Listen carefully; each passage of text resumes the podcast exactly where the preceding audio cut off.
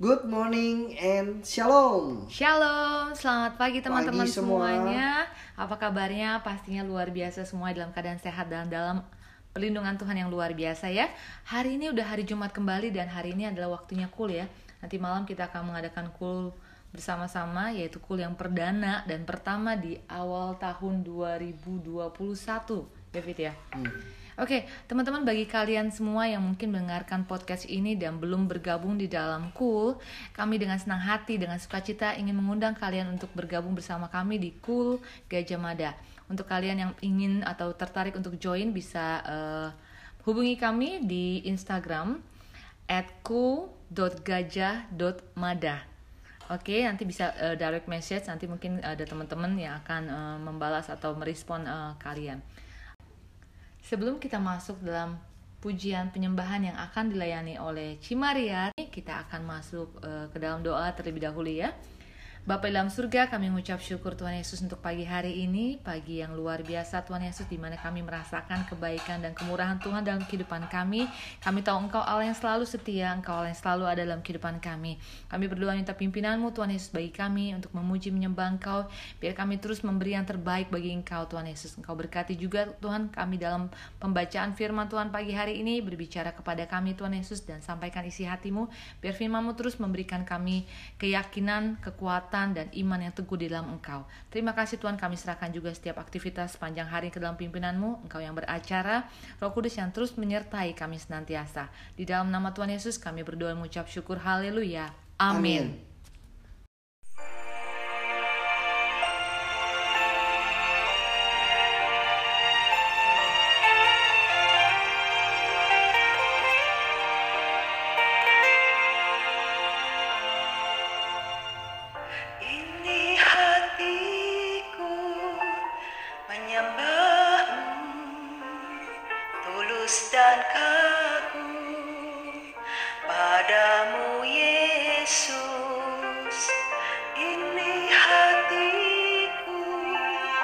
sempurna perlu campur tanganmu dalam hidupku.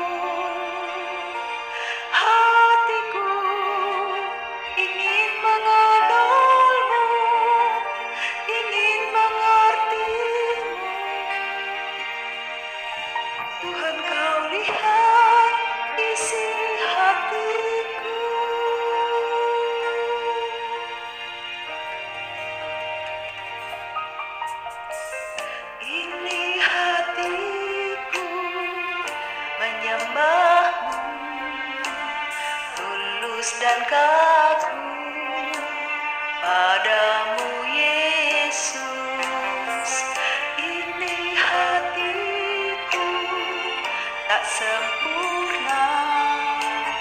Perlu campur tanganmu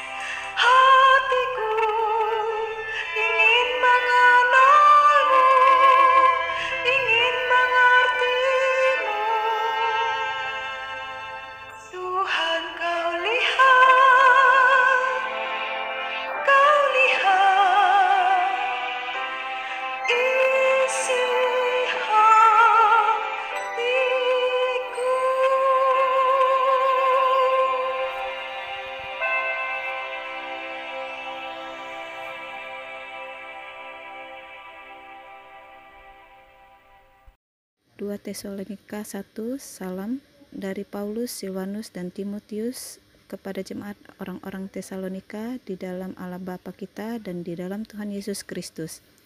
Kasih karunia dan damai sejahtera dari Allah Bapa kita dan dari Tuhan Yesus Kristus menyertai kamu. Ucapan syukur dan doa. Kami wajib selalu mengucap syukur kepada Allah karena kamu saudara-saudara. Dan memang patutlah demikian karena imanmu makin bertambah dan kasihmu seorang akan yang lain makin kuat di antara kamu. Sehingga dalam jemaat-jemaat Allah kami sendiri bermegah tentang kamu karena ketabahanmu dan imanmu dalam segala penganiayaan dan penindasan yang kamu derita. Suatu bukti tentang adilnya penghakiman Allah yang menyatakan bahwa kamu layak menjadi warga kerajaan Allah. Kamu yang sekarang menderita karena kerajaan itu. Sebab memang adil bagi Allah untuk membalaskan penindasan kepada mereka yang menindas kamu dan untuk memberikan kelegaan kepada kamu yang ditindas dan juga kepada kami pada waktu Tuhan Yesus dari dalam sorga menyatakan dirinya bersama-sama dengan malaikat-malaikatnya dalam kuasanya di dalam api yang bernyala-nyala dan mengadakan pembalasan terhadap mereka yang tidak mau mengenal Allah dan tidak mentaati Injil Yesus, Tuhan kita. Mereka ini akan menjalani hukuman kebinasaan selama-lamanya, dijauhkan dari hadirat Tuhan dan dari kemuliaan kekuatannya. Apabila ia datang pada hari itu, untuk dimuliakan di antara orang-orang kudusnya, dan untuk dikagumi oleh semua orang yang percaya, sebab kesaksian yang kami bawa kepadamu telah kamu percayai. Karena itu kami senantiasa berdoa juga untuk kamu, supaya Allah kita menganggap kamu layak bagi panggilannya dan dengan kekuatannya, menyempurnakan kehendakmu untuk berbuat baik dan menyempurnakan segala pekerjaan imanmu, sehingga nama Yesus Tuhan kita dimuliakan di dalam kamu dan kamu di dalam dia, menurut kasih karunia Allah kita dan Tuhan Yesus Kristus. Shalom Cidoli, thank Halo, you so much Cidoli. ya. Thank Cidoli you. sudah bersedia membacakan firman Tuhan pada pagi hari ini di 2 Tesalonika 1. God bless you. God bless you. Ketabahan dan iman jemaat Tesalonika menjadi kesaksian dan teladan bagi semua orang percaya, termasuk kita, bahwa Tuhan tidak tutup mata. Ia Allah yang adil dan perlindungannya nyata bagi kita semua yang percaya.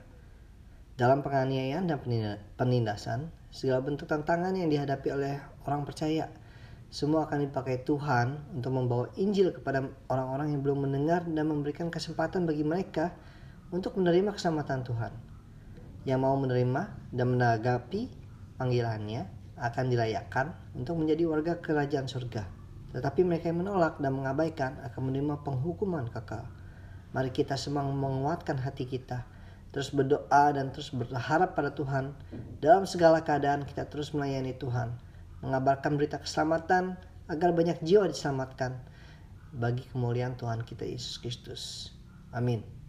Oke, ayat favorit saya di 2 Tesalonika 1 ayat 4 sampai 10. Saya akan bacakan dalam terjemahan bahasa Inggris NLT. We proudly tell God's other churches about your endurance and faithfulness in all the persecutions and hardships you are suffering.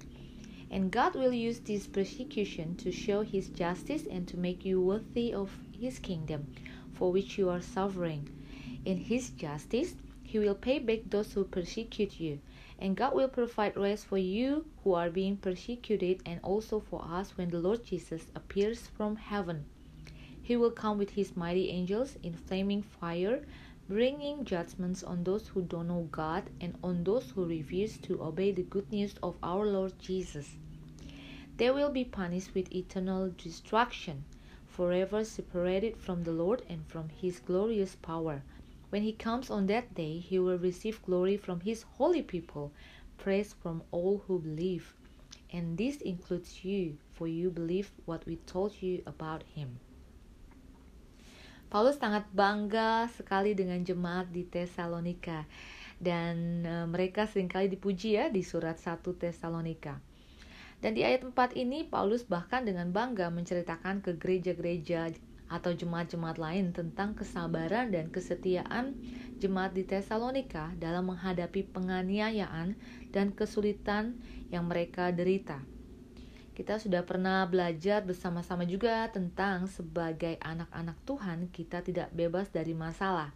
Dan hari ini kembali kita belajar bahwa Tuhan bisa pakai penganiayaan atau penderitaan yang dialami oleh umatnya untuk menunjukkan keadilannya.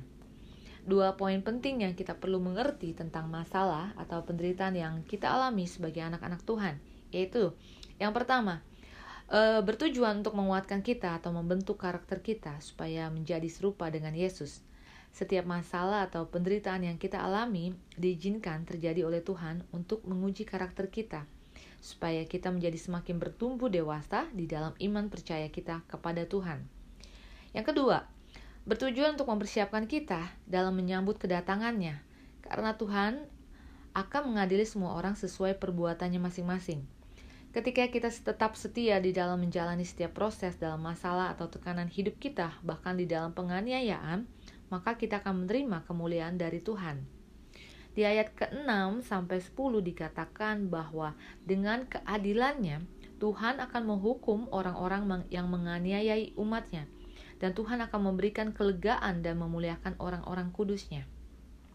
Mengetahui bahwa kedatangan Tuhan Yesus sudah semakin dekat, seharusnya membuat kita terus menjalin hubungan yang intim dengannya, menjalani panggilan Tuhan dengan taat dan setia, berdoa bagi orang-orang yang belum diselamatkan, bagi orang-orang yang sudah mulai mundur dari Tuhan, berdoa bagi keselamatan bangsa-bangsa dan seluruh dunia, dan terus hidup memuliakan Tuhan Yesus.